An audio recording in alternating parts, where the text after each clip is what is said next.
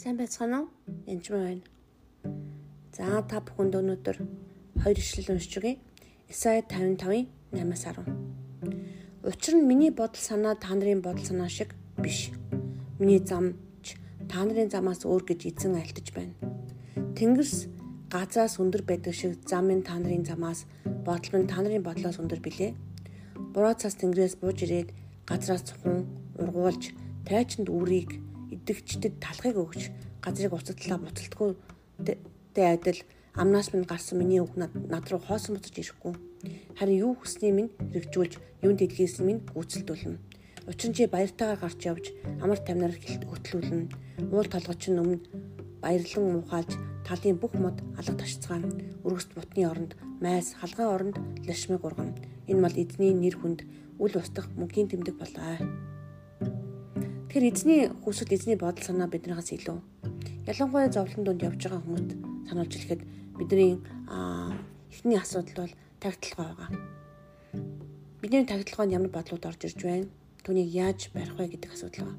Шинэ бурханд бууж өгч байгаа боловч үнэхээр тагталгаа удирдах чадахгүй тэр бодлуудаа ханаас ирж байгаа гэдгийг мэдэж чадахгүй бол бид нар асуудалд ордог. Тэгээ үнийг ялгахын тулд эзний үг үнэхээр чухал байгаа. Библийн үг үнэхээр чухал. Еврей 4:12.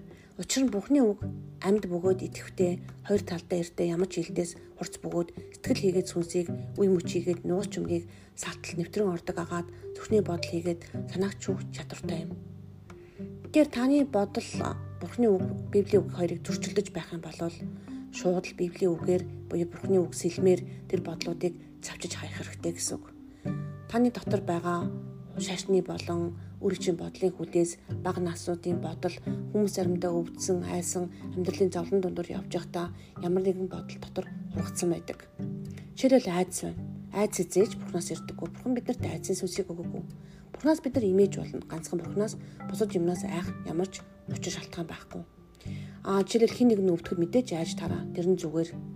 Тэр юрдийн үзэгдэл харин байнгын тэр айдастай байгаа л яана инэ гээл Одоо жишээл нэг хүн дандаа хүүхдээ аваарт орчих гэж айдаг. Бандаа айдаг. Тэгээ дандаа хүүхэд нь аваарт ордог. Энэ нь ерөөсөө нормал биш. Энгийн үзэгдэл биш. А нэг удаа үнэхээр хүүхэд чинь ч юм уу хин нэгэн өвдсөн бол айж болно. Тэгтээ буцаагаад эзэн дээр ирээ залбираад хөөгөө цэвэрлээд зүгээр байх ёстой гэсэн үг. Тэгэхээр бидний оюун бодлыг бид нар хамгийн гол зорилго бол хичнээн бидэнд бурханд бууж өгж байгаа ч гэсэн бидний дотор байгаа хуурамч үнэн биш юмнуудыг бид нар үнэхээр библийн үгээр цавчиж хайх хэрэгтэй. Энэ явдал бол маш чухал. Хууртадж явж байгаа мэдэхгүй хүмүүс маш их байдаг. Маш их байдаг шүү. Ялангуяа олон жил явцсан итгэгчнэр хүртэл бас тэгээд би ирчүүдийн уулзалтыг хийгээд нэг удаагүй байгаа ч гэсэн би угаасаа гэртээ таван эрэгтэй хүнтэй амьдардаг хүн штэ. Аа тэгээд маш их хуурдах магадлал ихтэй байдаг. Ягаад гэвэл ирчүүдийг дайрах юм бол тэднийг эзэлж авах юм бол гэр орны бүгдийг тэр тэр бай тухай газар нутгийн хүртэл эзэлж авах боломжтой учраас мос ус үнэхээр чөтгөр чөтгөр ирчүүд рүү дайрч байдаг. Бодол санаар.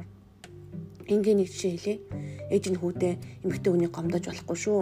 Миний хүү гэж хэлж л дээ. Өө зэ заа гэж хэлэнгүүтээ би эмэгтэй хүний гомдохгүй бол тулд эмэгтэй хүнтэй суугаа байчихъя гэд ерөөсөө суугаагүй хайртай хүнээ хүлээлгээд 20 жил болчихсон эрэгтэй хүнтэй би уулзч байсан Тэгээд тэгээ тэрийгэ чөтгөр энийг хүлж өгнө гэж юусоо ялахгүй энийг би өөрөө хийсэн л гэж бодож байгаа.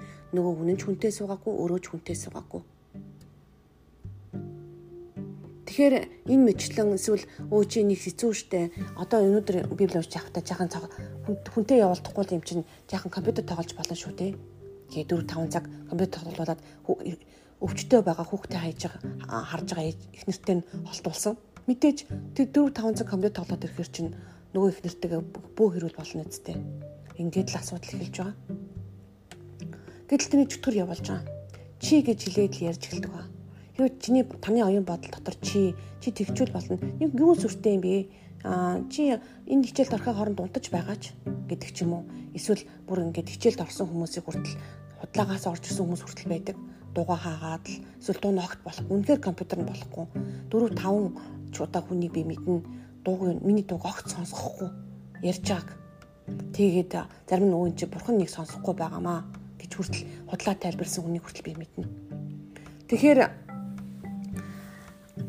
заримдаа бид нэр юма ялахгүй болж урдаг. Тэгэхээр бидний гол зорилго бол тэр оюун бодлоо дотор байгаа хурамч бодлуудыг үнэхээр зөвхөн Бурхны үгээр ялгаж чадна. Бурхны үг амьд өгөөд итгэвтэй. Тэгээ түүний бодол санаа бидний бодол санаас дээр түүний зам ч гэсэн өөр байгаа. Тийм учраас та бүхэн маань ирж байгаа тэр зөвхөрөл зовлон таны дотор орж байгаа бодлууд хинээсээ гэдгийг бас сайн ялгах хэрэгтэй. Ялгахын тулд үнэхээр Библийн үгээр үнэн үгээр л үнэнтэй л ялгана. Үнэнтэй л жишнэ. Хин нэгний хэлж байгаа үгтэй биш үнэнтэй жишнэ эзэм минь. Тэгээд үнэхээр таны бодол санаа юу вэ? Над дотор байгаа хурамч бодол санаа байна уу? Та ялгаж шалгаж өгөөч гэдэг гэж сайн үнэхээр асуугаараа. Тэгээд үнэхээр зовж явах дотор бас зарим зовлон бурхнаас юм шиг бурхнаас таныг зовоож байгаа ингээд чөтгөр зовоож байгаа тал бас байдаг. Тийм бас байхгүй. Өвчин зовлон эзнээс биш шүү. Үнэхээр танд хэлж өгье.